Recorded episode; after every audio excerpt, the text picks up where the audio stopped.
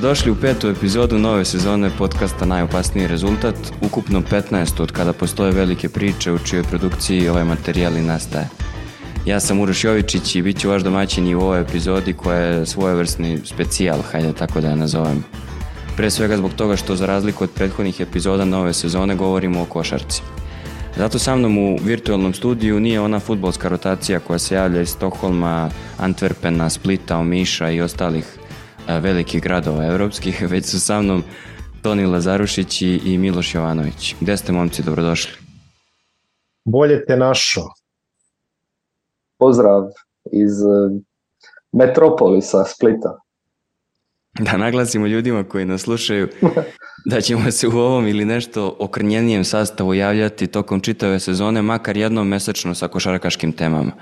E, tu je isto važno da se naglasi da je košarkaška rotacija velikih priča duplo manja od, od, kraća od futbolske, ali nije loše naglasiti da se tekstovi o košarci manijakalno čitaju u odnosu na bilo šta drugo i bilo koju oblast na svetu koju velike priče obrađuju, pa ćete i Tonija i Miloša i mene moći da čitate redovno sad kad počnu ove košarkaške lige različite koje pratimo na velikim pričama. Okupili smo se u ovom punom sastavu košarkaškom da pričamo o ABA ligi koja počinje ovog petka. E, pričat ćemo zapravo o svim timovima koji će, manje više, koji će učestvovati u novoj sezoni sa fokusom na onome što je ljudima najzanimljivije, a to su dve ekipe koje složit ćete se slove za glavne favorite i, i timove koji se bore za, za šampionski pehar u Jadranskom košarkarskom šampionatu. E, što bi rekao Miloš, moja omiljena rečenica iz podcasta Šesta lična koju vodi gospodin Miloš Jovanović je kad kaže Liga američkih profesionalaca. Ne znam da li, da li mi nešto više prija od, od te sintagme kad je iskoristi. A, zapravo sad kad si rekao, ja, kako si rekao, Jadranski košarkaški šampionat, ja tako ne? Tako je, tako je. Da, tako da, da, podsjetio si me na Dobrosava Gajića koji nikada nije govorio Jugoslaviju o TV prenosima, nego Jugoslovenska košarkaška reprezentacija. Nova dva pojena za Jugoslovensku košarkašku reprezentaciju i tako se desi cijel meč. Tako je, tako je. Mada bih ja uvek govorio Jugoslavija kad god stignem. E, Hajde da krenemo od donjeg doma. E, iako se možda neki neće složiti da je u pitanju donji dom, ali hajde da krenemo od tih timova koji, bi, koji su u donjoj polovini tabele potencijalno i da prepustim Toniju reč kad je to u pitanju da on kaže šta misli ko će biti u donjem domu i kao da vidim da se malo uvredio na ovu moju tvrdnju. Ne, ne, ne, ne. Sad si ispao politički korektor, ali prvi put nisi kad si nam najavljivao koji je plan i program za podcast, jer si rekao da ćemo pričati o malim ekipama iz donjeg doma. Pa dobro, mali u smislu e, rezultata koji se od njih očekuje, ne mali u smislu legacije i svega ostalog. Toni mislio na Krku, pusti se. Ta, tako je. Ne, ne, znam ja na koga je on ciljao. On je ciljao na hrvatske klubove, je tako? ne. ne. Sad uh, mogu da budem politički nekorektan potpuno pa da ti pričam o tome da neki hrvatski klubovi imaju najviše ambicije, ali hajde ti kreni, brate, bolje nego ja da lupam. uh, pa da, mislim, ne znam, ćemo se složiti da je to nekakav uh, donji tajer u koji možemo svrstati. Uh, Zadar, jeli, da se slažemo tu svi ili ne? Um, Zadar, ja mislim da ja bi sačekao Božić gleda Dobre. Zadra, jer realno Zadar uvek, mislim Zadar će izgledati ok. Ostalo im je sve ovo što, što im je ostalo, jeli šta, nije otišao niko manje više bitan, Davis, jer tako, Uh, ostao je Božić posle one sapunjare, ostao je Drežnjak, ost, došao je Mazalin uh, i ostao je trener, jer tako, ostao je Jusup, tako da dok je, e sad, sa Zadrom ti ono uvek do nove godine je drže bure vodu dok majstori odu, a onda negde oko nove godine će shvatiti da su preterali pet termina za 68. kredit od grada Zadra i tako dalje i tako dalje i onda će negde do marta da krene ko će ostati, ko će otići.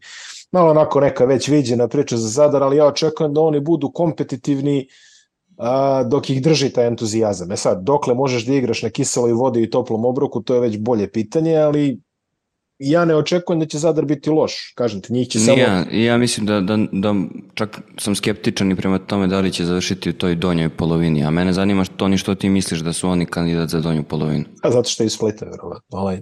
Pa to je to rivalstvo, da, to što ja priželjkujem, šalim se. Ovaj, ne, ja sam zapravo samo htio da napravimo eventualno nekakav, nekakav ranking, ajmo reći po kako bi svrstali ekipe, dakle donji dom, nekakav, nekakva sredina, gornja viša klasa i, i elita, jel? Mm-hmm. Hajde, hajde, svrstaj ih da čujem. Pa evo, ja bi u taj donji dom stavio uh, Krku. Dobro. Dobro. Borac. Dobro. Sva, svakako. Uh, Mornar. Mhm, ok. Zanimljivo. I čak, čak ne bi, čak, eto, ajmo reći da su to nekako favoriti za ispadanje, ne znam da se slažete sa. Pa, čekaj, je li Cibona živa ili mislim... Cibona, da, da, da. Mislim, da, mislim svakako, ja sam i isplanirao da krenem u priču o donjem domu od Cibone, tako da bi i njih svakako ubacio u ta četiri. Uh-huh. Koja su u, u, tom donjem domu. Mislim da je Cibona, skoro je, mislim da je Miloš pre dva dana podelio na Twitteru i ono što je Aco Petrović napisao da, da je Cibona pred gašenjem, tako da me zanima kako, kako je vaše viđenje njihovog stanja i jel treba uopšte da se, mislim to je onako jedno nepopularno pitanje kad su ti veliki klubovi u pitanju, jugoslovenski klubovi ili aj sad hrvatski i srpski, nebitno, e, da li treba da se održava uopšte na aparatima i za čije babe zdravlje?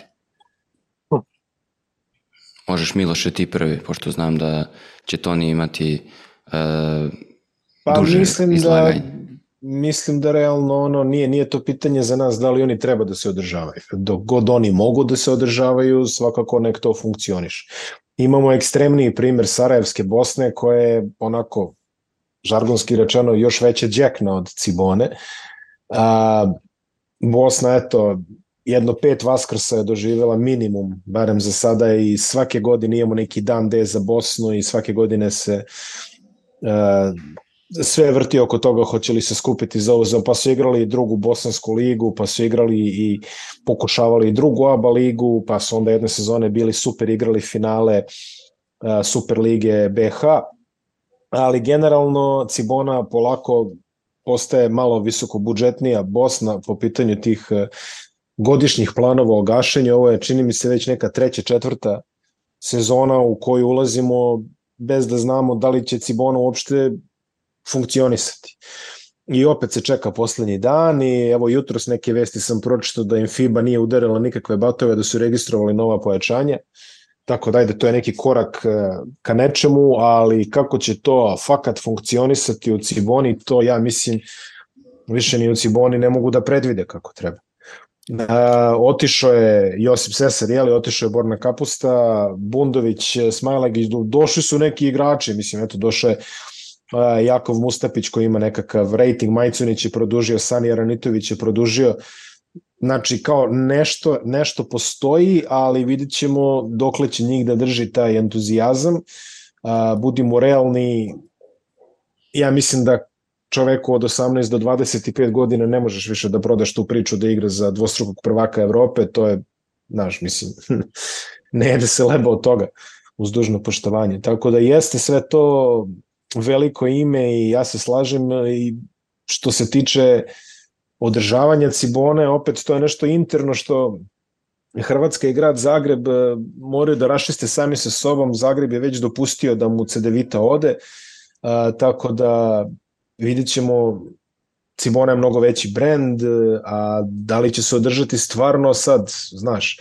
ja bih samo voleo da barem znamo, evo, danas je sreda, to treba da poče sve u petak, ja bih samo voleo da mi znamo hoće li se igrati išta i ako krenu, koliko će potrajati, jer ABA Liga ima svojih problema, a ovo je baš ovako jedan koji ne treba apsolutno da sad moramo da ulazimo u svaku sezonu sa neizvesnošću hoće li biti E, kompletan sastav klubova.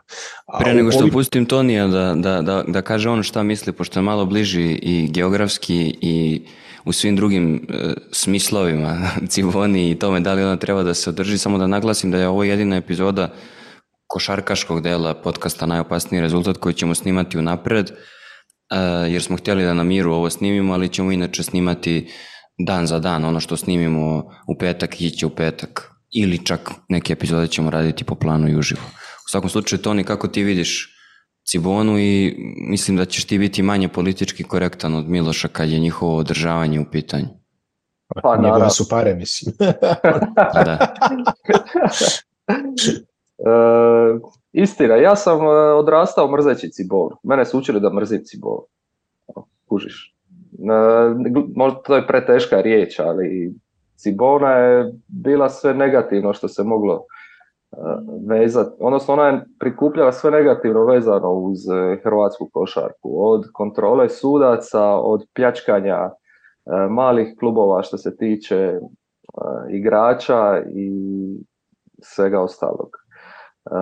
Godinama su imali monopol, desetljećima čak, su imali monopol u hrvatskoj košarku na svim tim nekim segmentima i stvarno mi ih nije žao. To što je netko brand ugasili su se možda i neki veći klubovi u, u Europi. Ja sam po tom pitanju vrlo striktan. Je, je li vi imate, nekak, ne, je li imate nekakva pravila, e, zakone koje morate ispoštovati i sve ostalo, kao što ima i svaka druga firma, obrt, tvrtka u Hrvatskoj. Imate. Jeste li to ispoštovali?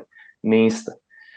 Ako će meni koji sam obrtnik zbog nekog duga država sis na glavu i ne znam, zatvorit me, udarit mi ovrhe i tako dalje, zašto se to ne bi dogodilo onda jednom klubu? Šta to meni znači što je, ma i da je kakav Split u pitanju koji je prošao svoju kalvariju sa vraćanjem dugova, sa stečajima, predstečajnim nagodbama i ne znam šta je sve bilo, zašto bi jedna cibona morala biti uh, zaštićena od nečeg takvog? Samo da, zato, što je... zato, zato sam te upravo i pitao, mislim, zato što konstantno smo svedoci da u različitim sportovima i u svim ovim našim regionalnim ligama neki klubovi funkcionišu na principu da ne poštuju nikakva pravila i da se održavaju i da je to kao neki viši interes.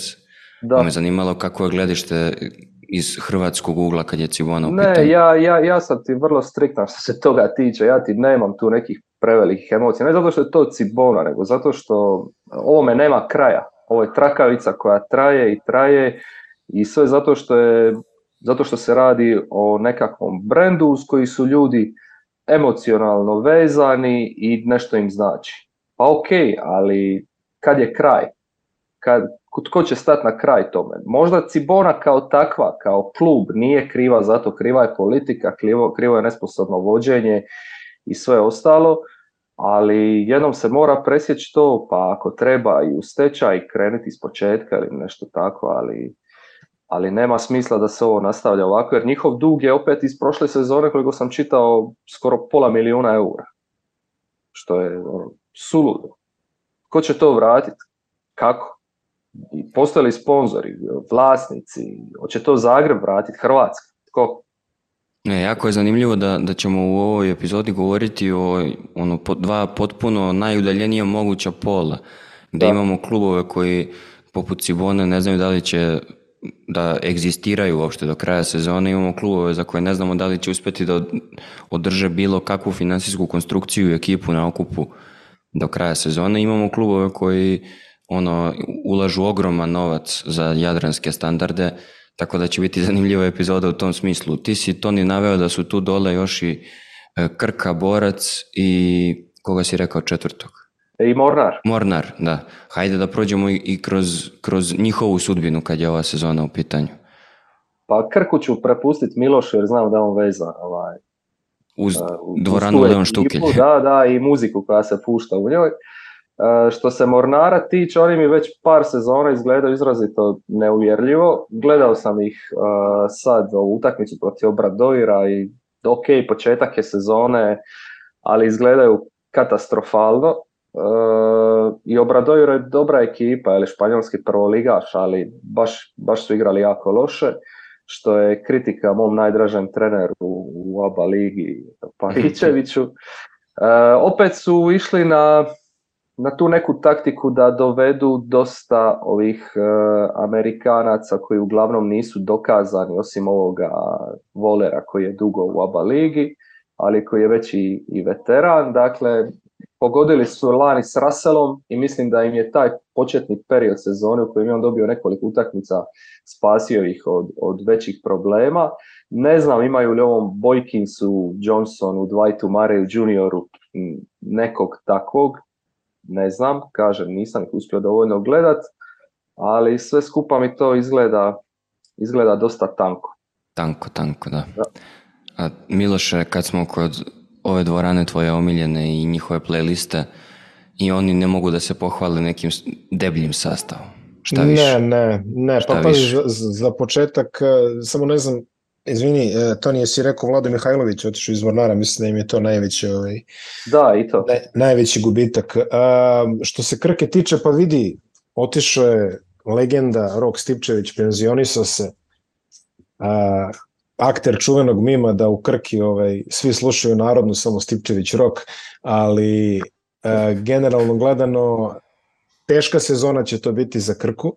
E, oni, mislim, zna se šta Krka može da pruži, neko da se saplete tamo gde se svi sapliću, jeli? E, imaju Gašpara Okorna kao trenera, čoveka koji onako ima dosta opsežno iskustvo u vođenju klubova iz donjih polovina uh, Jadranske lige. Uh, Isaiah Cousins im je ponajveće pojačanje, uh, čovjek koji ima jedno veliko iskustvo igranja na recimo visokom nivou u Izraelu, igrao je nekoj Estoniji, čini mi se i u Francuskoj, dugo se mota tu okolo. Uh, u suštini dobitni koncept, ako ste, ovo možemo sad proširiti na sve ekipe iz Donjeg doma, ali dobitni koncept za opstanak u ABA ligi je da imate čoveka koji će vam garantovati 20-25 poena.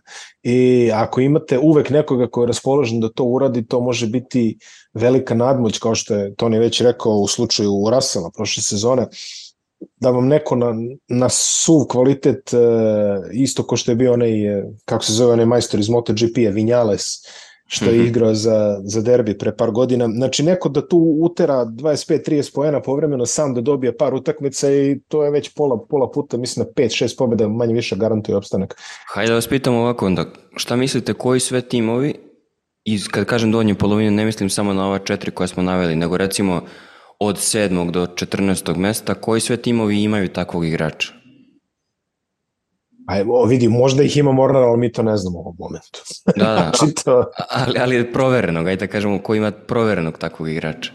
Uh. Hmm. Teško pitanje. Teško pitanje. Uh, Božić.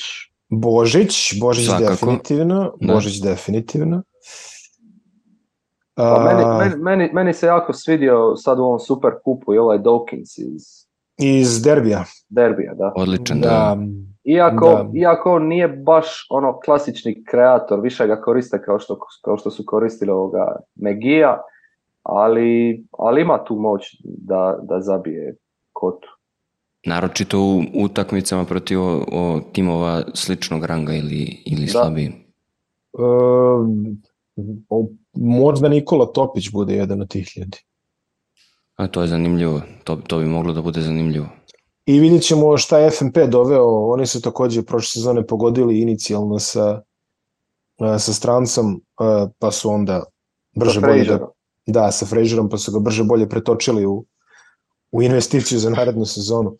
Ali vidjet ćemo, oni su doveli Lamontija Tarnera, Jordana Walkera, vidjet ćemo kakav, kakav, oni igraju ste, čini mi se, kvalifikacije za Ligu šampiona, ako se ne veram, tako da imat ćemo priliku da tu pogledamo.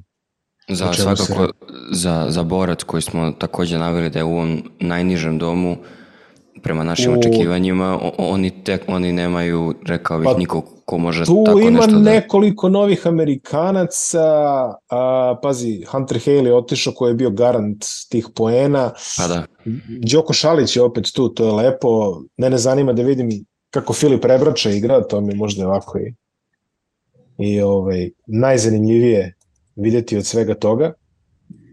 Pa, šta znam, možda neko od ovih stranaca, ali stvarno ne mogu da ti kažem da li je ona Thailand, Jamon Birds ili Cruz Parrot Hunt, ono, da, li je, da li je taj lik. Znaš, da, znaš šta je problem? To, to da si nas pitao na početku prošle sezone, sigurno nitko od nas ne bi znao da su Frazier ili Russell spremni donositi takve poene, jer vidim... Da, apsolutno tačno. Ono, puno ekipa i ove sezone dovodi te igrače iz jako obskurnih liga u, u Europi ili direktno s koleđa nakon 3-4 sezone. Oni su ruki u europskoj košarci, to nikad ne znaš na koju stranu će, na koju stranu će otići, ali sigurno će se opet među njima pojaviti netko ko, ko će iskočiti. E sad, rekao si da su ove četiri ekipe taj najniži dom, koga bi stavio iznad njih, level iznad? Pa Split. Uh, Igokea. Igokea, da. Mega. Mega, Zadar, Derbi. Pa da, to je i FMP, to. I FMP. Da, pa to da, to, to je otprilike to. To smo već deset ispucali, da, to je ta sredina koja može realno da ode, neki od tih timova možda mogu i da iznenade, a neko može i da, da ode dole. Zavisi Evo, kako derbi, se... derbi je već iznenadio u neku ruku. Tako je, tako Aha. je. Ko on tu deluje kao neko ko bi mogao, da li je derbi upravo s obzirom na to kako su počeli sezonu, da li vam oni deluju kao neko ko bi mogao da, da iznenadi pa mislim, da, li, da li oni imaju kapacitet, mislim da je tu glavno pitanje, da li imaju kapacitet da to rade u kontinuitetu 26 kola? Pa vidi, a, derbi se pokazao, iako kad je derbi ušao u prvu Jadransku ligu, svi su rekli kao, ma ne, kao to je naša budućnost B, otkud znam. Međutim, e, derbi se u prethodne dve godine afirmisao kao ekipa koja sasvim solidno, samostalno stoji e, igrački na tabeli. E, čini mi se da su doveli dobre igrače ove sezone, doveli su Drobnjaka koji je pokazao da je ono mikrotalasna da prevedem taj divan izraz, može da eksplodira vrlo brzo i da, da, da napuni dosta poena, a Borna Kapuste se pokazao prošle godine, drago mi je zbog, zbog njega, igrao je jako dobro prošle sezone za, ne znam, ekvivalent e, dva bureka i eventualno nekog ručka u, u menzi. Uh, I ono što je meni najbolje, to je povratak najbolje gaba imena u, u derbija, to je Kenan Kamenjaš, koji je odmah na Superkupu pokazao da je bez veze sedeo prošle sezone u budućnosti. Ja očekujem jednu rebound sezonu za Kamenjaša, čoveka koji je onako old school centar, može dobar u skoku, dobar u, u reketu. I ja mislim da oni vrlo uredno su ono četvrto, peto mesto otprilike, čak zavisi kako budućnosti dosta, ajde, stići ćemo do njih, ali tamo se dosta vatrometa očekuje tokom sezone, pa ćemo da vidimo kako će izgledati to e, sa, sa derbijem koji ja mislim da onako siguran playoff meni deluje. Znaš, pritom i da pohvalimo uh, trenera uh, Andreja Žakelja, popularni Imhotep, kako, kako volim da ga zovem zbog sličnosti sa istoimenim likom iz uh, serijala filma o koji tumači Arnold Voslo. Uh, dobar trener, uh, dobro vodi tu ekipu onako tako da ja mislim da derbi je meni veći onako što kažeš pretender neki, ne, ne, samo, ne samo tim iz sredine. A Toni, za koga misliš da će da podbaci od ovih timova koje smo naveli? Da li je to upravo Zadar jer si njih naveo na početku kad smo govorili o donjem domu? Jer oni su nestabili, ovo što je Miloš pričao, njihov, njihov kontekst je vrlo nesiguran, tako da iz toga ne znaš kakvi rezultati mogu da ispadnu. Da, da, da.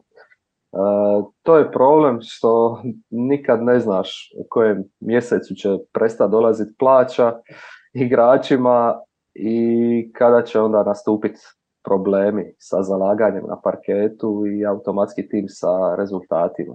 Ali čak, ajmo reći da će s te strane i sve bude ok. Ja nisam nikad uh, baš fan ekipa koju drugu, da je ekipa koja je u prethodnoj sezoni napravila nekakav dobar rezultat, ajmo reći, overačivala, nije se osvježila za iduću sezonu, nego praktički s istim rosterom idu, ok, doveli su Mazalina, E, nego s istim rosterom idu i u novu sezonu, a očekuju se isti rezultati. Ja mislim da im je falilo malo više aktivnosti, ok, to je sve bilo u skladu sa financijskim mogućnostima, ali e, lani su igrali sa dosta kratkom rotacijom, imali su dosta sreće jer im se nije puno igrača ozljeđivalo, e, ove sezone isto igrao s vrlo, vrlo kratkom rotacijom, praktički istom kao i lani, Igraju usto i Hrvatsku ligu, usporedno sa ABA ligom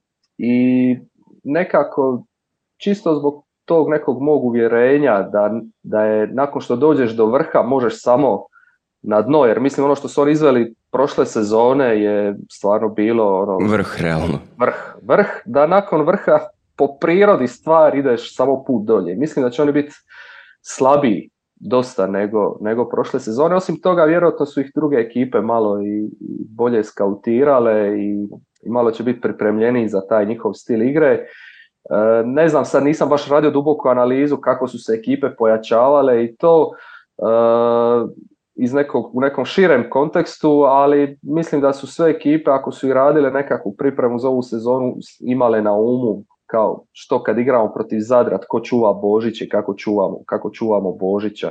Recimo to je i Split napravio sa dodatkom ovog Šamila Stevensona i ostalih nekih igrača. Tako da ja im ne vjerujem ove sezone. Eto, to, to e, na ovom mjestu nije loše da te pitam da napravimo malu digresiju u odnosu na ovu najavu. E, kakva je situacija to, pošto se igraju paralelno Hrvatsko prvenstvo i Aba Liga i konstantno stižu različite ono, različiti stavovi o tome da li hrvatski klubovi treba da igraju ABA ligu ili ne treba. Ja kapiram da je to jedna ono nepresušna debata u kojoj niko nije pretarano ni pametan ni konstruktivan, pa me zanima kako ti vidiš tu situaciju i da li postoji mogućnost da se ona razreši na neki način, bio loš ili dobar. Pa meni je to suludo.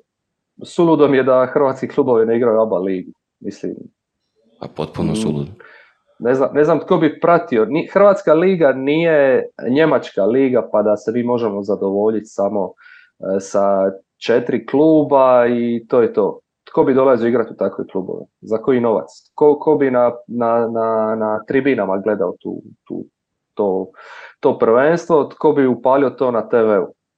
Malo tko. Ja tu i tamo znam upaliti, ne znam, ili iz Gušta otići na Split Alkar ili pogledat, ne znam, e, Splita protiv neke slabije ekipe, Kvarnera ili nekog takvog, to jednostavno nije ok za nikoga. Tu nitko ne može napredovati, tu se igrači ne mogu dovoljno dobro razviti.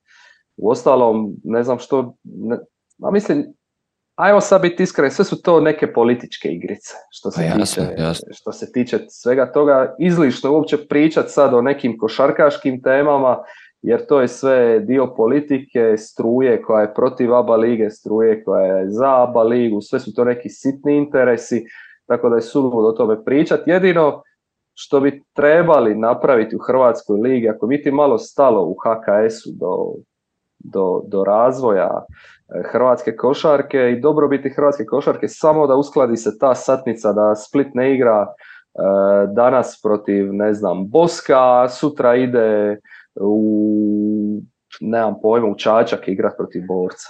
E, što se događalo u posljednjih sezona. Da, to, to, to nije humano, realno. To je, to je nenormalno.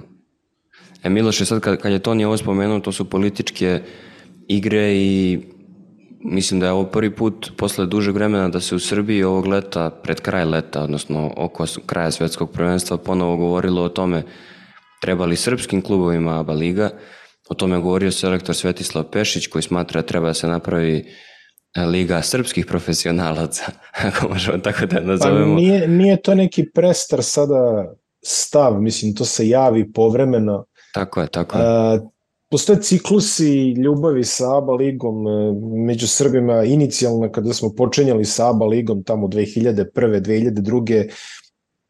To je ono što često volim da kažem, bio je argument, pa dobro, nećemo valjda mi sad Hrvatima i Bosancima da podižemo košarku. I evo 20 godina kasnije tako smo je dobro podigli da Šibenik više ne postoji, Zadar Grca, Cibona Grca, Split se jedve izvadio, a ostali klubovi mislim su onako ovaj, ne, ne može se reći da, da smo ikome učinili uslugu i na kraju ispade da ono ne znam 70% prvaka ABA lige istorijski gledano su srpski klubovi tako da ako je neko izvukao apsolutnu korist od ABA lige to su naši klubovi. E sad, šta nosi budućnost, to je opet dosta kompleksno pitanje.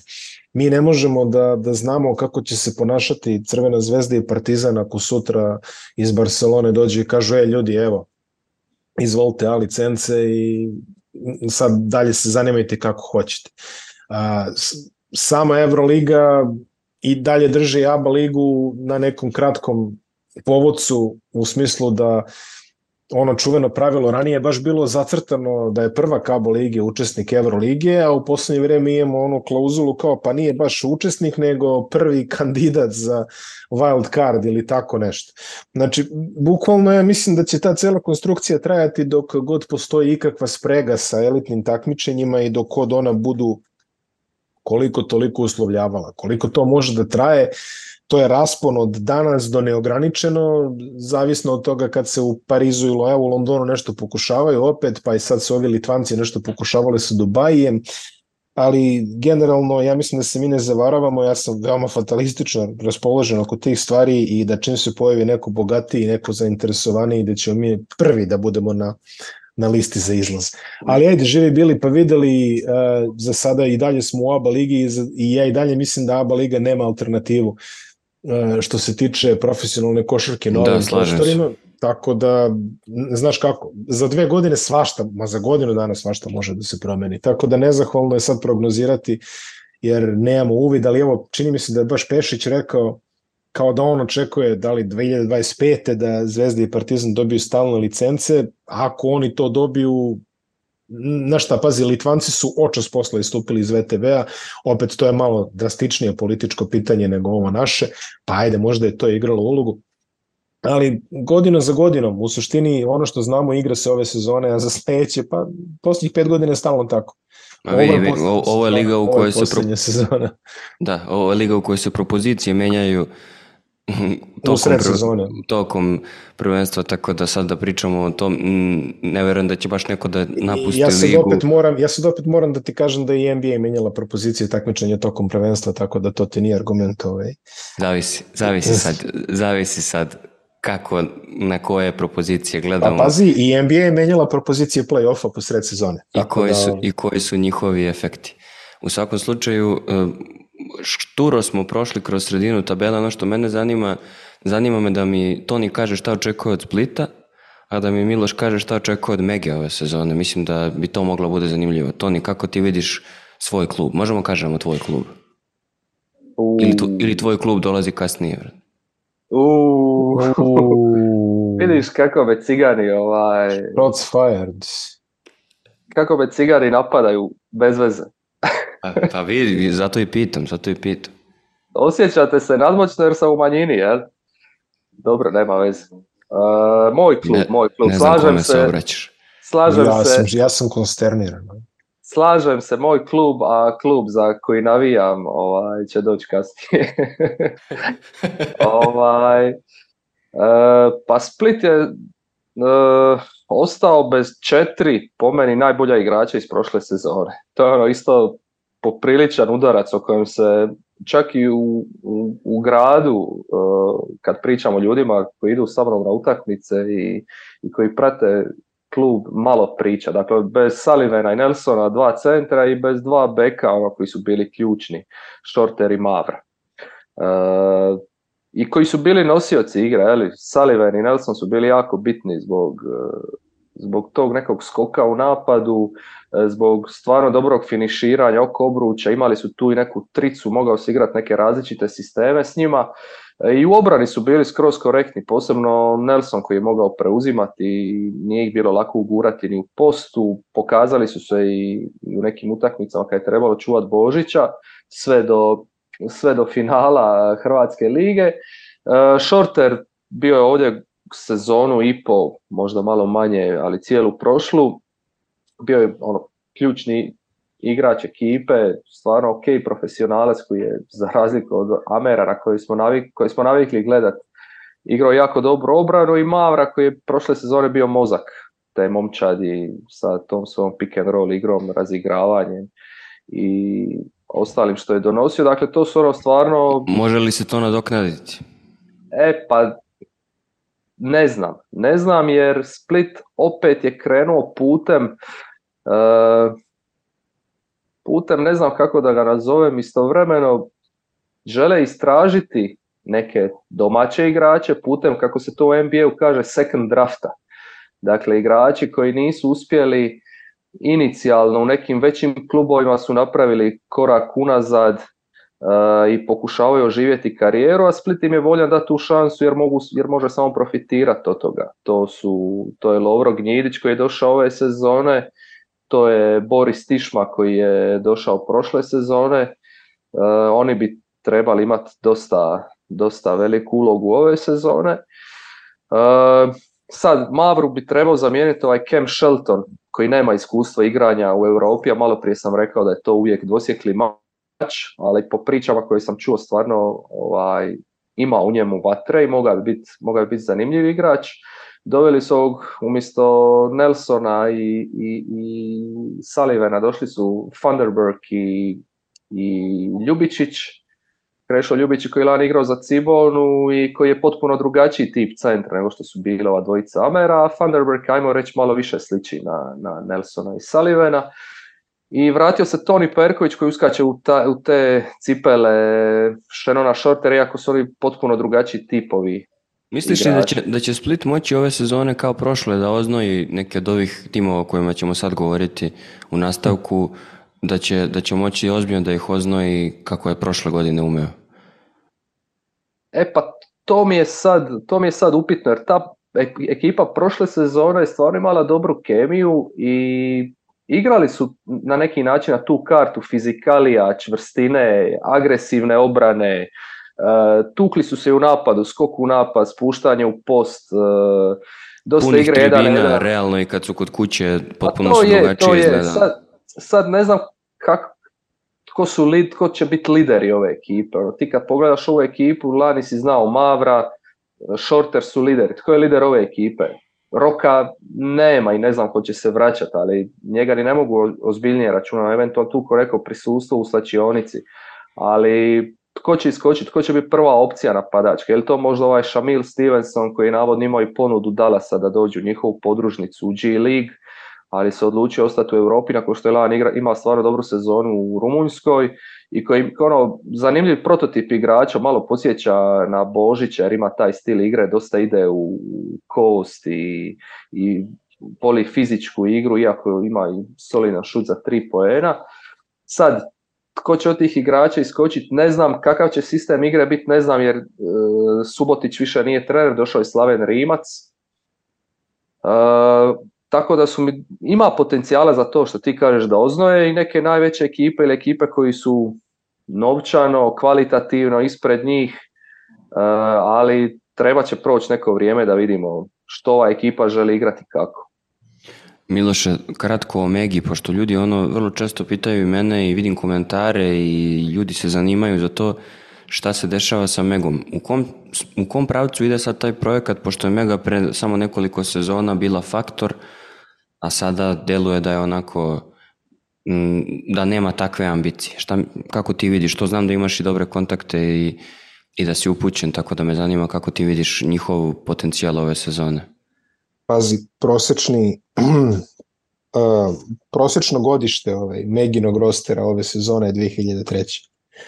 Tako da oni imaju u proseku svega 20 godina. Ovo je najmlađa Mega koju ja pamtim. E, najstariji igrač je Uroš Plavšić koji ima 25 godina. To je spuni 25 godina u decembru.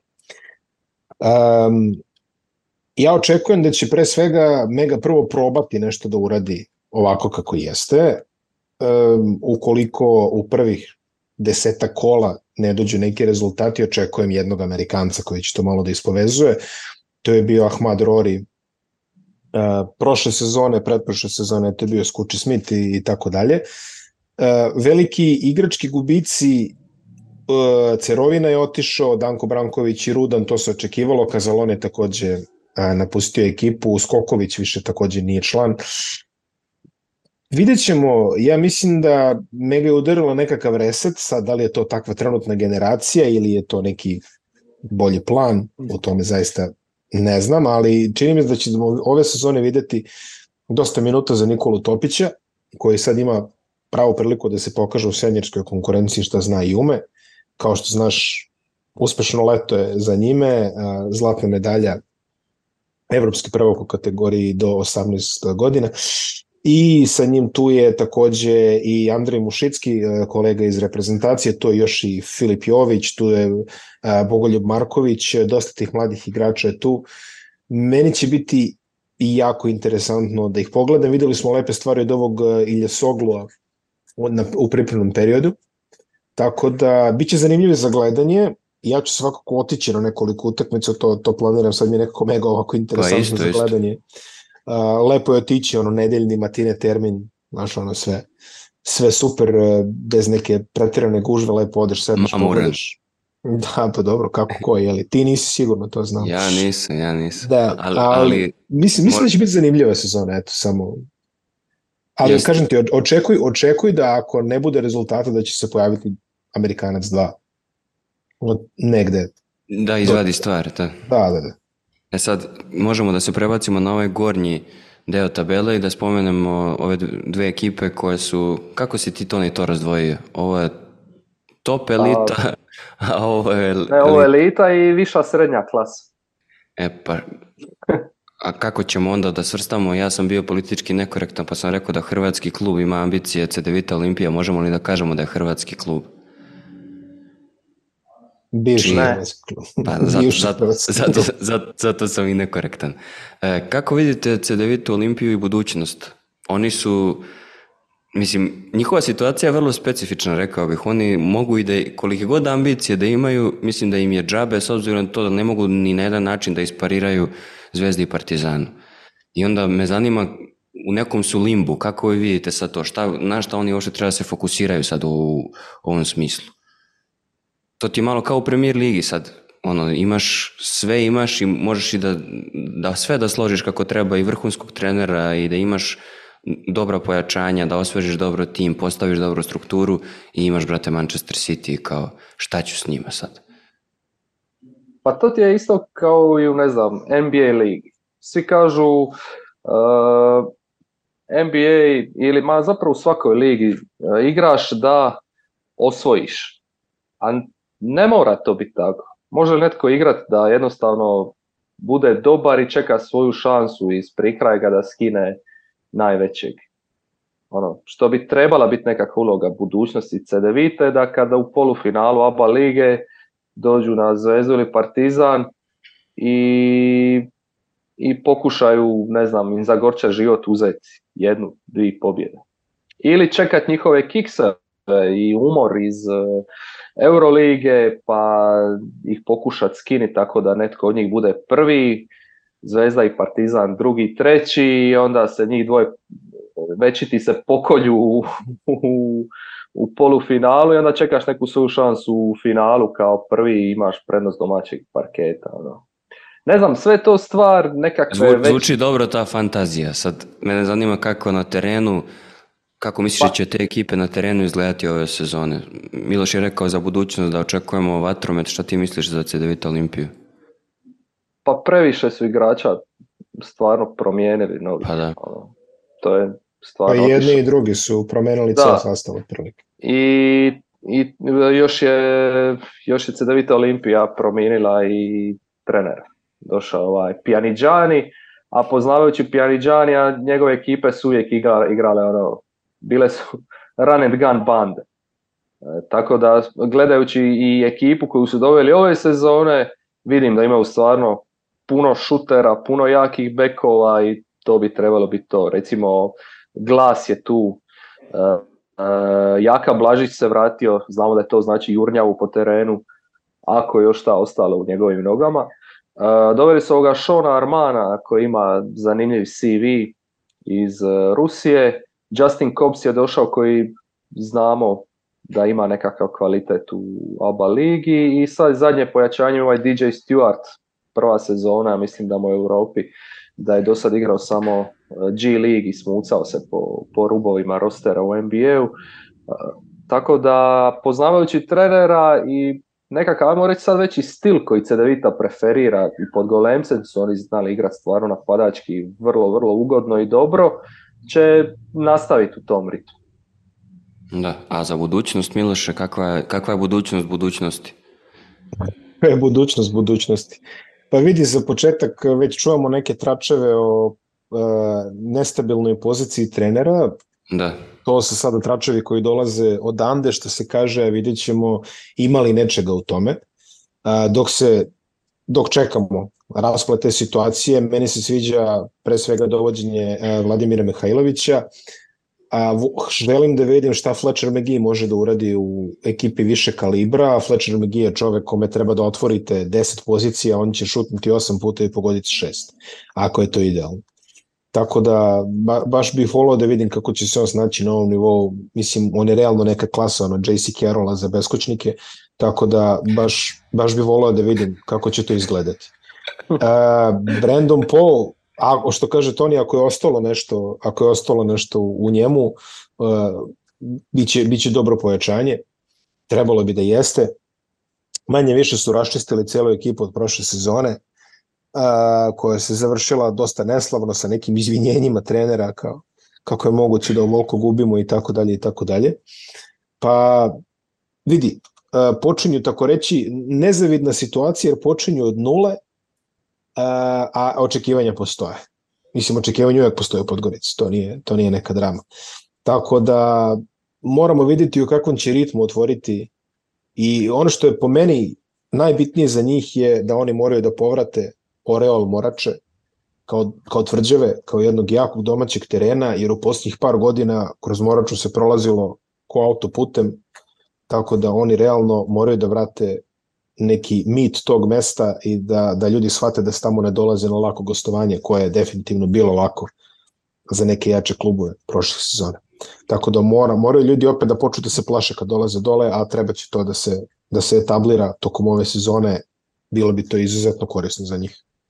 Dali ste, dali ste dobar, dobar šlagvort ovom pričom o tome da je promenjen veliki deo tima, e, da pređemo na, na ove glavne favorite. E, mislim da možemo da krenemo sa Crvenom zvezdom, pošto je Crvena zvezda napravila jedan ozbiljan remont, e, pa da na kraju pažnju posvetimo Partizanu kao prošlogodišnjem šampionu. U Zvezdi su ostali Lazarević, Mitrović, Lazić, Ilić, Nedović i Kuzmić. Ako sam nekog zaboravio, vi me ispravite. A tim je osvežen vrlo zanimljivim pojačanjima i najveća skepsa ako i postoji oko Crvene zvezde je kako će to izgledati i kako će se oni uklopiti. Imali smo priliku da gledamo na ovim turnirima, imali smo priliku da ono naširoko čitamo i slušamo, a pre svega slušamo o tome kakve su ambicije tima, mm, postoji šansa da neko izađe u, za šest meseci i kaže kako nikad nije bila ambicija da Zvezda igra Final Four Euroligi, ali ono što je trenutno postavljeno kao cilj jeste osvajanje svih trofeja u, kod kuće i u regionu i dolazak do Final Four Eurolige, pa kako citiram, ako može da se uzme i ta Euroliga da se uzme. E, kako Miloše vidiš ove igrače koji su dovedeni, tu ima I tu je Dejan Davidovac koji dobro zna tu slačionicu i, i, i, i skoro je bio tu. Tu su neki ljudi koji su onako, hajde da kažemo što ne i ozbiljna imena. Koji jesu e, ozbiljne imena. Ozbiljne imena. A, tu su i, i veterani srpski košarkaši, ako, ako smemo da nazovemo Miloša Teodosića veteranom, a da je u tim godinama, ali ono što on radi na terenu ne izgleda kao da kada se bliži penziji. Tu su znači Nemanja Bjelica i Miloš Teodosić, tako da Zvezda je na različite načine popunila e, roster i kako smo čuli od, od prvog čoveka kluba Nebojše Čovića, to je to, otprilike tim je sklopljen i to je što je. Za razliku od prošle sezone, Duško Ivanović ima tim na raspolaganju od samog početka, može da radi na način na koji on želi od samog početka, pa me zanima kako ti vidiš ova ova nova imena i koga ti smatraš naj, najozbiljnijim? Mada tu je teško napraviti neki jedan izbor, hajde tako da kažem. Pa pazi, uh, prethodnih sezona, ako isključimo prošlo koja je ajde, malo ovaj, iskočila iz koloseka, ali prethodnih sezona uglavnom bi rivali, uglavnom bi Crvena zvezda uh, ostajala sa osovinom koja im je donosila rezultate, pojačavala je eksterno a rivali bi menjali cele timove. E sad, ove sezone Zvezda je otišla, mislim Zvezda na kraju krajeva ne brani trofej Jadranskog prvaka ove sezone, onda su oni otišli putem koji drugi urade kada, kada je Zvezda osvajala. Tako da promenjen je de facto ceo tim otprilike. A, bilo je onih maničnih nekoliko dana tamo u julu, čini mi se, kad su se dovodili igrači kao na traci. O, ono što ljudi hoće da istaknu je kao ok, postoje rupe na, na poziciji 4, dobro, ta rupa je sad zakrpljena do, dolaskom Nemanje Bjelice, za koga moramo da vidimo prvo kakvom je stanju, jer skoro godinu dana se nije bavio uh, košarkom ili bi samo trenirao ili generalno jako malo igrao. E, druga, druga stvar je kao pozicija beka šutera, ali opet ajde kao videli smo da je Gedraitis igrao nešto šutera na ovim pripremama, takođe biće dosta setova sa dva playmakera, tu Zvezda ima onako solidniji malo roster, znači tu stoje Odosić, tu je Nejpir, tu je Jagodo Santos koji za sobom ima jedno dobro svetsko prvenstvo kvalitetno odigrano.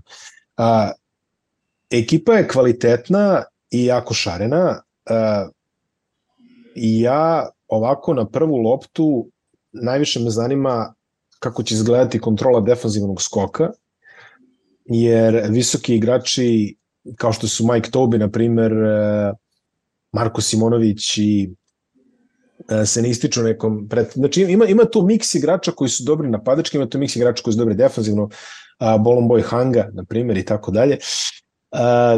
Interesantan miks, defanzivni skok je stvar koja, koju, koju želim da vidim kako izgleda u praksi, u takmičarskim utakmicama. Poeni mislim da neće biti problem, što je jako lepo. A cilj, vidi, osvajanje domaćih i regionalnih trofeja i ja bih rekao da je realan cilj da se počne sa ulaskom u play-off Evrolige, nek to bude prvi zacrstani cilj, ja mislim da je to sasvim moguće.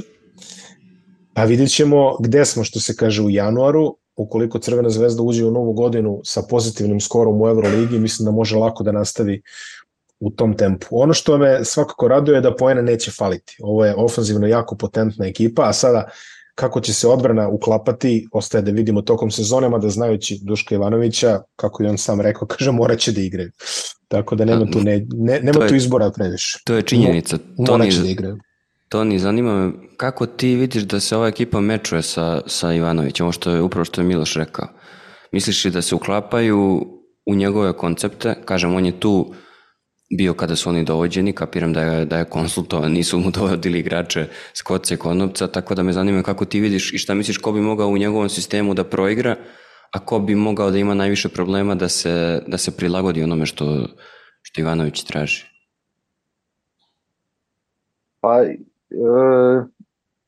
ovo je super odrađen prijelazni rok Zvezde, čisto kad se sjetimo prošle sezone, da, kako, da. Se, kako se kasnilo i kako su se igrači dovodili s brda s dola, i pa se promijenio trener, ja sam pisao o tome, jel tako, ovaj, za velike priče. Da, obojice ste, samo izvini, molim te da, da naglasim da su vaši tekstovi, Toni je napisao dva o Partizanu, jedan ono na početku velikih priča kada smo tek pokrenuli sajt i posle kada je Partizan ispao od, od Reala, i napisao je jedan tekst o Zvezdi, Miloš je napisao takođe jedan tekst o Zvezdi i ta četiri teksta su zaista ono, ušli su u top 20 uz Borišu Simanić. Imamo pet košarkaških tekstova u top 20 najčitanijih od početka velikih priča i ljudi stvarno su, moram da iskoristim taj izraz, napaljeni na košarku i na Zvezdu i na Partizan i to se u Beogradu osjeća, mogu da kažem da se u ovom trenutku više osjeća nego taj hype oko Lige šampiona, što je što je dosta zanimljivo. Mislio sam da će to da nekako da se izniveliše, ali i dalje se ljudi ekstremno lože, prodat je veliki broj sezonskih karata, tako da ćete i ove sezone moći da čitate Miloša i Tonija na velikim pričama o tim temama. I e, sad nastavi, izvini, morao sam ovaj zvanični deo. Propagandni neka, program. Neka, reka si nam malo ovaj, titrao jajca. Ovaj. Tako je, tako je. Uzem mi reći iz po, usta. Pojačao ego. Uh, pa ne, što se tiče Ivanovića i ekipe i igrača koji bi mogli, kako su, ili mogli podbaciti ili napraviti nekakav iskorak, uh, baš to kad sam pisao prošle sezone taj tekst o Zvezdi sam malo uspoređivao Ivanovićeve ekipe koje je vodio, za koje sam imao brojke i htio sam dobiti nekakav dojam kakav je on trener. On trener koji je ono primarno defenzivan, koji inzistira na defenzivi tako slaže roster ili je možda na drugu stranu e, više voli da mu ekipa igra na veći broj poena, posjeda i tako dalje. I iznenadio sam se koliko je bilo miks situacija kroz njegovu karijeru gdje je imao top ekipe defanzivno i top ekipe ofenzivno. Imao i prosjeke. E, često se znalo događati da mu ekipa top ofenzivno, ali loša defenzivno i obrnuto. Dakle, ima svega, što znači da u biti on se može prilagoditi rosteru i može izvući ono najbolje što ima od njega. Po meni, slažem se s Milošem, ovo ekipa koja će bi mogla dosta sličiti na prošlosezonski partizan što se tiče e, stila nekog, nekakvog identiteta, jer lani je Partizan kompletnu svoju sezonu bazirao na napadu. Oni su završili kao najbolji napad Eurolige, a bili su pri dnu što se obrane tiče. Ja mislim da tako nešto slijedi i Zvezdi. Ja nisam siguran da ovdje ima puno igrača koji koji mogu raditi nekakvu razliku defenzivno, ali ima puno igrača koji mogu raditi razliku ofenzivno. I sad je pitanje kako će se, kakva će se kemija stvoriti između njih. To je uvijek, to je uvijek možda i ključna stvar. E, kako će Nedović, koji znamo da ima i pozitivnih i negativnih strana, Teodosić koji voli imati loptu u svojim rukama, Napier koji je doveden tu za velike pare sigurno i tražit neku svoju rolu, e, Jago koji je prvak Njemačke, igrao je dobro prvenstvo s Brazilom, zvijezda u nastajanju, svi oni nekako traže loptu, a trebali bi nositi taj, taj napad. Istovremeno moraš dati nekakve akcije gdje je su koji je doveden e, i tako dalje. Ali ako uzmemo ili pretpostavimo da će sve biti ok s te strane i da će se igrači nekako posložiti, e, imaš stvarno dovoljno šutera, dovoljno kreatora i meni su visoki igrači strašno sviđaju što se napada tiče. Dakle, mogu veliki broj njih i rolat i popat, vidimo, vidimo Tobija kako može igrati rol i pop s Dončićem. Bolomboj može i jedno i drugo. E, imaš Bijelicu tu koji uvijek preko na laktu možeš zavrtiti napad da on razigra nekoga. E, Mitrović short roll, to se zna već od prije i takve stvari. E, stvarno, ono, jedan dobar, dobar roster što se napada tiče. Obrana, tu sam malo više skeptik, jer znam kako su ekipe lani recimo Tobija napadale dok igra u Barci, a znao igrati četvorku i peticu. E, znam kako su ekipe napadale i Teodosića dok je bio u Virtusu i Napiera dok je bio u Milanu. Ono, doslovno su napade koncipirali tako da ciljaju njih. E, ok, ima tu sad i igrača koji mogu pomoći defenzivno, i Hanga, i ne znam, Gedraitis je ok što se obrane tiče, E, međutim, bekovi su mi niski, ne rade nekakvu razliku defenzivno, a visoki su mi dosta spori na nogama. Osim Bolomboja koji je dobar na sviću e, i Kuzmića koji nosi taj nekakav kvalitet u, jednom tipu obrane, e, ne ulijevaju mi tu previše povjerenja. Šta ali, ali s tim napadom bi mogli, mogli raditi razliku. Šta mislite o, o Teodosiću ili Teodosiću kako kažu Valjevci? Zanima me, ali da to ne bude ono, vidjet ćemo u kakvom će biti stanju. Mene interesuje kako vi vidite, da li on može da bude lider ovog tima, u smislu i da, da ih povuče i, i mentalno i, i na sve, i igrački, i da li mislite da on ima u ovom trenutku u sebi taj kapacitet da i dalje da na evroligaškom nivou bude da pravi razliku na toj poziciji? Pa vidi, um, ključna figura u modernoj istoriji Crvene zvezde je Marcus Williams. Ne zato što je Marcus Williams bio igrački ekstra kvalitet, što jeste, već zato što su posle Markusa Williamsa ljudi videli da neke stvari mogu da se probaju i neke stvari mogu da se urade. Stefan Jović, e, koji je, volim, volim da citiram tu anegdotu, je se desila bukvalno metar ispred mene, bio sam u prvom redu protiv Valencije, ulazi Jović da odigra posljednjih 5-6 minuta i sad Luka Mitrović istrčava neki kat, otprilike nešto relativno kompleksnu kretnju, a Jović onako gleda, zakotrlja očima i kaže pa nisam ti ja Markus. Znaš, ono kao, ne mogu ja da realizujem baš takvu egzibiciju. Da, treba naglasiti da je Stefan Jović vrlo kreativan i, i E, sledeće sezone, igrač. sledeće sezone Stefan Jović postaje onaj Stefan Jović koji sada vidiš, znači ono kao one dijagonale njegove, a, vrtenje pika i tako dalje. Tako da prisustvo jednog vrhunski kreativnog igrača na rosteru može da bude samo plus. Znači u krajnjoj liniji ljudi će trenirati sa njime, vidjet će šta on ume i vidjet će ga utakmicama šta on ume. A, jasno je da odbrana nikad nije bila jača strana Miloša Teodosića i tu ne očekujemo da će dati neki ekstreman doprinos, ali mislim da će on biti jedan od igrača koji se ono što trenerski se kaže treba da se istrpe, jer a, mogu da povuku mnogo toga. Tako da ja očekujem da, da igrači se ugledaju na njega, pogotovo ostatak bekova, ovde mislimo i na Nedovića i na playmakere, mislim ok, Nedović je ono kro, hibrid otprilike u tom nekom pogledu, ali ja smatram da će on moći da, moći da doprinese ono samo svojom pojavom, kao što je svoje vremeno Vlade Divac radio u sastavima e, Jugoslavije, da će on moći to da ukomponuje, da to izgleda interesantno i da može da bude lider i na terenu, a i sa klupe u, u neku ruku. Tako da ne smemo poceniti koliko motivacijono može jedan igrač takvog formata da doprinese samo svojim prisustvom. E sad, mene zanima, kad bi trebalo da vas pitam, znači Miloš je rekao otprilike napad na, na sve trofeje domaće i regionalne i playoff Evrolige. Toni, gde ti vidiš zvezdu i šta misliš da su njene realne šanse? Futbaleri, ovi na futbolske rotacije, oni se čuvaju pogrešnih prognoza, ne kapiraju da da ljudi neće zameriti ako pogrešno procene, čak će malo i da vole i da se naslađuju i bit će sve super. Tako da njih kad god pitam, oni se nešto snebivaju. Ne budite kao futbaleri. Pa ne, ja, ja volim prognozirati, ako sam preloš prognozer, to je ono, katastrofa. Pa tako, svi smo i to, je, i to je čar toga, jel? Dokazano, ali nekako onako kad gledam stvari realno, mislim da ova ekipa može izboriti playoff i ja vjerujem da će igrati na kraju playoff to posao. Dobro, e, možemo da pređemo na, na drugi tim koji je, koji je ono slovi za, za glavnog favorita i koji brani titulu, to je Partizan koji je kada je struktura tima u pitanju i konfiguracija tima doživeo mnogo manje promene, rekao bih, od, od Zvezde. Zadržali su e, i Ledeja i Pantera i tu su i Koprivica, Avramović, I Naneli. samo da, da, da, da, tu su i Koprivica, Avramović, Naneli, Smajlagić, Trifunović, Andjušić, skoro čitav roster od prošle sezone. E, otišli su i Madar na onako jedan neprijatan, ružan način. Do kraja nije objašnjeno šta se zapravo dogodilo.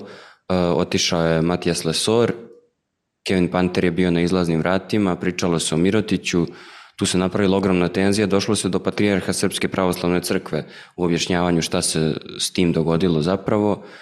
E, pričalo se o tome da je zapravo, u što ja nisam verovao, da je po znacima navoda front office Partizana toliko upro da dovede Mirotića da uopšte nisu drugi razmatrali pa su onda bili kao u problemu. Mislim da e, ljude koji vode Partizan ne treba na taj način pocenjivati pre svega Željka Obradovića i oni su doveli, rekao bih, vrlo zanimljiva pojačanja i to smo imali priliku da vidimo i tokom pripremnog perioda. Kako ti vidiš to, ni, to što je Partizan radio na tržištu? A, napokon klub za koji navijam, jel? Ova...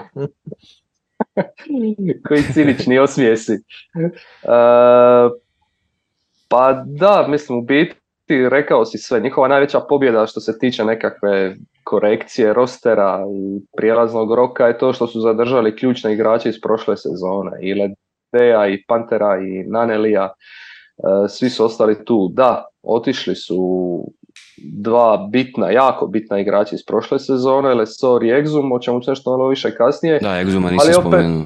Ali opet e, vratili su Jaramaza u klub koji je došao iz Bajerna i koji, se, koji je tu još jedan onako e, domaći igrač, što grobare i pali, e, i koji će pomoć, koji se uklapa u taj nekakav agresivni stil e, Partizana i, i obrambeno i napadački. Doveli su ponitku koji, ja sam njegov stvarno veliki fan, on Mislim da smo, svi, da smo svi na ovom razgovoru. Da, ono, znaš, igrač koji uvijek ima 12, 5, 5 ono, u, u, u rukama, to, to uvijek moraš to ih moraš cijeniti. On je, druga, on je doveden kao nekakva zamjena za Papa Petrua, iako je drugačiji tip igrača od, od Grka, ali Obradović uvijek voli te igrače koji mogu raditi više stvari, više stvari na parketu i kroz koje može na različite načine zavrtiti uh, napad. PJ Dozier je došao iz NBA umjesto Exuma, uh, pa to je otprilike nekakav, ajmo reći, isti tip igrača. Gledao sam nešto u pripremnim utakmicama na vrlo sličan način. Uh, Obradović koristi dozira kao i, i Exuma. Sad, koliko će, hoće li dozir kao što je Exum lani radio moći dobiti neke utakmice Partizanu, to tek trebamo vidjeti jer nemamo puno inputa o njemu. Što se tiče europske košarke, I Kaminski je doveden kao, les, kao nekakva zamjena za Lesora, iako to nije. Kaminski je više igrač tipa Smajlagić, ajmo reći. I tu mi Partizan ima rupu malu, možda malo veću. Da, ja bih isto rekao da to je moj utisak da je Kaminski zapravo najslabije od ovih, kad bismo gledali neki nivo ovih pojačanja, najslabije pojačanje za to što je Partizanu trebalo. Pa da, zato što navikli smo na Lesora, znamo što on donosi. Ja nisam neki prevelik njegov fan jer e, mi igra previše na energiju, premalo na IQ, ali kao takav je e, se savršeno uklapu to što je Obradović od njega traži. Dakle, Obradović je znao što su njegove prednosti i to iskoristio. Jeli? E, skok u napadu, finiširanje oko obruča i switch u obrani. On nije sad nekakav rim protektor koji će znat finese kada se na vrijeme postaviti, kako, e, kako kontrolirati ball handlera i igrača koji rola. On nije taj tip igrača, ali s energijom je puno toga nadoknađivao. E, Kaminski je ono što znam iz NBA što sam ga gledao, nekakva stretch petica, ima dosta spore noge, kao da ima betonske blokove umjesto, umjesto nogu i nije tip igrača poput Lesora. S njim dobivaš nešto drugo u napadu, ali u obrani ne znam koliko će, jer on isto je ono nešto između 4 i 5, bio u NBA-u, ne znam što će ovdje igrati, vjerojatno malo jedno, malo drugo. E, tako da bojim se da bi Partizan koji s obranom lani nije bio e, na ti, mogao ove sezone imati još veći problem upravo zbog Lesora koji kada bi se prebacio tu switch obranu tada bi bili tada bi bili najbolji. E sad, kojim novim šemama i kako Bradović misli to uh, nadoknaditi, to ćemo tek vidjeti. Miloše, šta se tebi sviđa u ovom dopunjenom, osveženom rosteru Partizana, a šta misliš da su im najveći problemi za novu sezonu? Pa vidi, uh, ja mislim da je cela ova afera sa, sa Mirotićem dosta poremetila planove Partizana. Uh, do te znači, tačke, tu se ne slažemo, znači. Ja mislim da su do, do te tačke su oni odradili jedan jako dobar prelazni rok. Zadržali su Pantera, što je ogromno za njih. A, zadržali su Ledeja, zadržali su Nanelija, to je neki trio koji je njima davao dosta dobre hemije i energije. A Matijas Lesor, ja mislim da je ispravan potez što nisu pokušali da ga zadrže, jer ja mislim da je on da je Željko Bradović izvukao apsolutni maksimum iz njega prošle sezone i ja, ne vid, ja lično ne vidim da on može još bolje da bude. Ja niti verujem da može da bude isti ovakav kao što je, kao što je bio prošle sezone. Pa pa Petru, meni je Ponitka veliki upgrade, ja sam veliki fan Ponitke, to je, to je igrač koji ima neviđenu energiju, koji može da te ponese na leđima, pa Petru mi je nekako bio ni tamo ni vamo, jeste on nešto lepo igru odbranu, jeste on tamo bio ono defanzivni quarterback, što se kaže, ali ako si došao s reputacijom ka, kapitena Panathinaikosa i grčkog reprezentativca, očekivalo se da nešto opipljivije uradiš, a ne samo to da, da statiraš kao neki ono kukuruzu. Pa ajde, nek bude u kukuruzu. Sad, Egzam veliki gubitak, ali ja mislim da niko od njih nije ni očekivao da će Egzam ostati preko jedne sezone, uzevši obzir šta je pružio prošle, prošle sezone, imao je stvarno velikih nastupa, stvarno velikih nastupa, jedan od najboljih igrača Partizana, a interesantna odluka da proba opet da se nametne u NBA ligi, želimo puno sreće sa time. Lično pre sam video da će igrati za neku Barcelonu, Real ili tako nešto, ali eto, no, nek proba ako, ako je zaista zapucao za... Meni je za to. drago, e meni je meni, drago, iskreno, zato meni je izuzetno to... drago, meni je izuzetno drago, tako da uh, ono, svaka čast i sve najbolje. E sad, do Mirotića to sve ide, onda se dešava ta razlačenje s Mirotićem, onda a, sve to što si ti to pomenuo i na kraju Mirotić koji ne dolazi i posle te tačke meni se čini da su oni nekako nedorečeni. A, PJ Dozer lepo je Toni to rekao, to treba da izgleda kao nešto slično kao Exumu, vidjet ćemo kako će se on snaći u toj ulozi. Frank Kaminski takođe nisam veliki fan tog pojačanja i ja mislim da će Partizan aktivno tražiti da pojača malo odbranu reketa. Defanzivni skok je bio veliki problem i prošle sezone. A, vidjet ćemo ove sezonu u ovom sastavu. A, ne delo je kao da su se puno unapredili u tom smislu, ali ima još vremena, ima još prostora. Lično očekujem velike uloge od Aleksa Avramovića koji je eksplodirao na svetskom prvenstvu i očekujem da se dobro uvede u sezonu. I očekujem takođe dosta od Smajlegića a, koji je i prošle sezone bio mnogo manje sporadičan nego što je to bio a, pre dve sezone. A, Panter je izrastao apsolutnog lidera, ali vidi, ono što sam rekao, znači ove sezone Partizan počinje tamo da je Zvezda počinjala kad je Radnjić bio trener, znači zadržali su tu osovinu igrača, a, gradili su oko toga i automatski nasleđuju a, prvo breme favorita u ovoj sezoni, znači od njih se očekuje da ponove, naravno imaju i Željka Obradovića na klupi i imaju jako uspešnu prošlu sezonu za sobom, vidjet ćemo. Raspored u Euroligi, hvala Bogu, nikad nije lak, tako da treba ekonomisati i sa time, ali ja mislim da Partizan ima identične ciljeve kao Crvena zvezda, s time što oni možda kažu sebi sada, ok, mi bismo možda sad i mogli na taj Final Four, jeli? kad je već prošle sezone falilo toliko malo.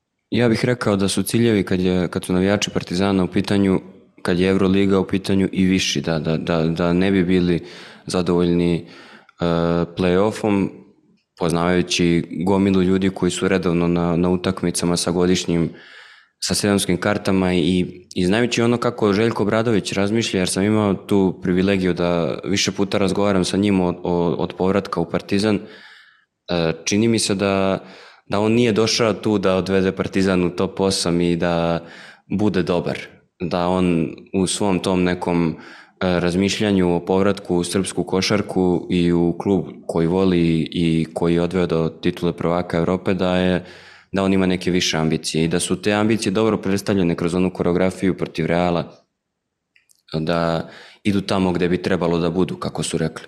Ono što je meni zanimljivo igrački, upravo je, kroz te razgovore sam to shvatio, kroz razgovore sa Obradovićem, on tvrdi da on uvek uči od igrača i pušta igrače da, da na neki način odrede kako će se neke stvari razvijati, šta će on zapravo odabrati, kakve šeme. Međutim, za razliku od Duška Ivanovića, kod Obradovića možemo da vidimo jasan pečat. I on je to i rekao više puta, moj cilj je da u odbrani svi preuzimaju od prilike, a da, da imamo tim koji je u stanju to da radi, a da u napadu tražimo najjednostavnija rešenja, da, da nađemo najjednostavniji način da igrači postižu koš. I mislim, to zvuči kao Alan Ford, ali to zapravo uopšte nije Alan Ford, to je ono što Partizan radio prošle sezone i prošle sezone je Partizan pronalazio veliki broj rešenja u napadu, ono što je Toni rekao. Uh, mislim da bi ove sezone uh, Partizan mogao da bude na tom tragu i dalje kad je napad u pitanju, ali da će Obradović morati da se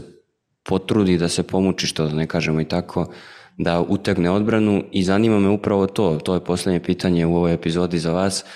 Kako vidite Partizan u tom smislu? Kako vidite, šta mislite da bi, da bi Obradović morao da eksploatiše u ovom timu ne bi li poboljšao odbranu, jer je jasno da je prošle sezone samo bolja odbrana nedostajala za neke vanvremenske rezultate? Pa, ne znam, možeš se pokriti s onim samo što imaš, jel? E, isto kao i kod Zvezde, tu, mm, tu dosta ovisi i o, i o timskoj obrani. Nije sve, nije sve ajmo reći, e, stvar, e, stvar individualnog kvaliteta i koliko neki igrač može igrati dobro obranu jedan na jedan. E, ako imaš najslab, jednu slabu kariku, to može narušiti, narušiti cijeli koncept. A mislim da Obradović neće odustati, čisto zbog konstrukcije rostera neće odustati od onoga što su igrali lani, a to je vrlo agresivno, s dosta preuzimanja. E, što većina ekipa u današnjoj košarci pokušava igrati više ili manje, ali svi imaju zastupljen taj stil. E, jedino ne znam, eto, da kažem, Kaminski i Koprivica, nisam siguran, siguran da dvije takve petice, sa Smajlagićem ok, on to može odraditi, ali s takve dvije petice će morat malo uh, korigirati tu agresivnost, što možda na neki način i nije loše, jer kad staviš, amo reći, pick and roll osnovni napad u košarci, jer sad kad se Partizan suoči s pick and rollom imaš tu Smajlagića s kojim možeš igrati aktivnije, agresivnije, iskakati, preuzimati, imaš Kaminskog i Koprivicu koji donekle mogu odraditi tu takozvanu drop obranu, ali za drop obranu su ti bitni i bekovi, jer ako ti bek e, ne, ne lovi suparničkog beka poput Pitbulla, nemaš nikakve šanse. Mislim da je tu Partizan opet dobro pokriven i s Jaramazom i sa ovim uh, uh, Avramovićem. tako da imaju tu mogućnost da igraju različitim različitim defensivnim stilovima. Meni se nije recimo prošle sezone sviđalo što je Partizan uvijek u svakoj utakmici bez obzira na protivnika igrao taj agresivni stil. Jer on se često puta znao krenuti protiv njih jer su primali gomilu trica, jer su stalno bili u nekoj situaciji 4 na 3, 3 na 2, jer bi netko ispao na liniji dodavanja, u pick and roll uvijek šalju dvojicu na ball handlera, bez obzira na protivnika. Tako da možda taj izostanak Lesora koji je uvijek igrao agresivno, koji je igrao po 35 minuta ili nešto manje, ovaj, možda dobro dođe čisto da malo e, tu i tamo promijene tip obrane ovisno o protivniku. Šta ti misliš Miloš? Reci samo da li, se, da li se slažete Miloš Jovanović? Ne, ja i, slažem se gospodine Jovičiću, ali samo da kažem ja i dalje mislim da Partizan lovi još jednog igrača na poziciji centra koji će ih malo povezati pod koš. Tako da može se dosta promeniti zavisno od toga kakav profil igrača bude dovedena, očekujem da bude neki malo defanzivnijih sklonosti. Da, moguće, moguće. Svakako nije ništa gotovo za Zvezdu, znamo da su rekli meni, da je, Meni je ovo zvučalo kao insajderska informacija, tebi? I meni onako, baš mi, baš mi, neki žmarci su me podišli kad je rekao. E sad, volio bih da za kraj napravimo jedno predviđanje, ja ću da prvi, znači na kraju regularne sezone ko će biti posljednji i ko će biti na prva četiri mesta i ko će biti MVP. Ja mislim da će Cibona biti posljednja, Partizan 1, Zvezda 2, Cedevita Olimpija 3 i Derbi 4. Mm. MVP Aleksa Avramović. Aj sad vidi. Mm. vidi, od kako su, od kako su ovaj prestali da deklarativno proglašavaju MVP-eve samo na, na osnovu indeksa, što se desilo, čini mi se par puta u prošlom prošlih par sezona, ne mogu sa sigurnošću da kažem MVP, ali sviđa mi se tvoj pik, Aleksa Avram, nek bude Aleksa Avram, sasvim sam ok s tim. A, pa da, da, može, eto, nek bude, nek bude tako. Znači, bit će ili Zvezda Partizan ili Partizan Zvezda, eto, baci Novčić pa vidi šta se više svidi zaista u ovom momentu. Nije, nije, ja sam nije rekao svoju, ja sam bez Novčića, Boga mi rekao svoju procenu. Ne znam za tebe, ti baci Novčić, pa vidiš šta ti se pa sviđa. Više mi se sviđa ako Zvezda bude prva, apsolutno, ali Dobro. nijanse trenutno razdvajaju što se tiče e, plasmana na kraju regularne sezone. Slažem se. Sl slažem se što se tiče trećeg i četvrtog mesta i ja vidim da će derbi tu malo da se, da se pogura. Uh, Cibona poslednje, da. Ako zaigra, a zaigra će verovatno. Toni? Toni? Pa, Toni? da. Cibona zadnja, to navijamo. E, prvi je Partizan, naravno. E, druga je Zvezda, treća je Budućnost i ja, ja ne bi išao s derbijem, iako sad smo svi malo opijeni ovim njihovim uspjehom u Super kupu, ali na ligaškoj razini mislim da će to biti malo drugačije. Osim toga, vrlo važna, vrlo važna informacija su izgubili Danila Tasića, ono koji je koji je bio prebitan igrač prošle sezone. Mm-hmm. E, I ono, stvarno jedan od zanimljivijih igrača za gledanje e, na parketu. E, tako da ću ja ipak ići sa Cedevitom Olimpijom, eto, poštujući, poštujući novac koji su opet uložili ove sezone. A MVP? A MVP, MVP uh... Tri, dva, jedan. dalje ide, dalje ide. uh, pa rekao bi uh, ne znam. Ne, pa kako sad ne zna? Da, ne ispali, da, ispali, Nije fair, uzeli ste Avramovića, ono koji je skroz zanimljiv pik, ali ja idem, pošto je Partizan prvi, onda mora biti neko njihov MVP, onda neka bude, neka bude Kaminski. U, da, sad, sad si baš edgy ovo, mislim, Da, da, rekao. Gospode pomiluj što kažu. E sad, e, na- hvala vam što ste pre svega bili sa mnom ovog jutra. E, drago mi je da smo prošli najbolje što smo mogli na ovom početku sezone, s obzirom da malo toga realnog znamo.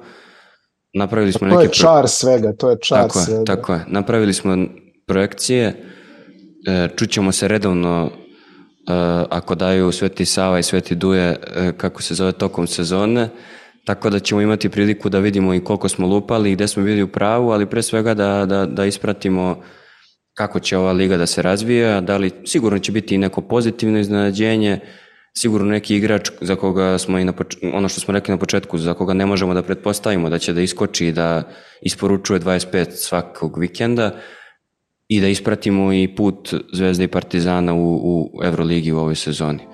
Biće naravno priče i u NBA ligi i pre svega kad je košarka u pitanju biće e, tekstova, tekstova i tekstova.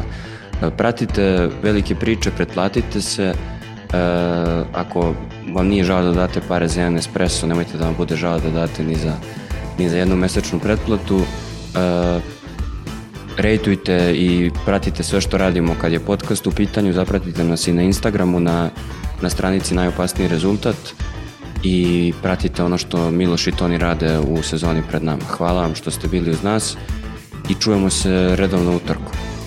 Hvala momci. Hvala, pozdrav. Hvala tebi. Pozdrav.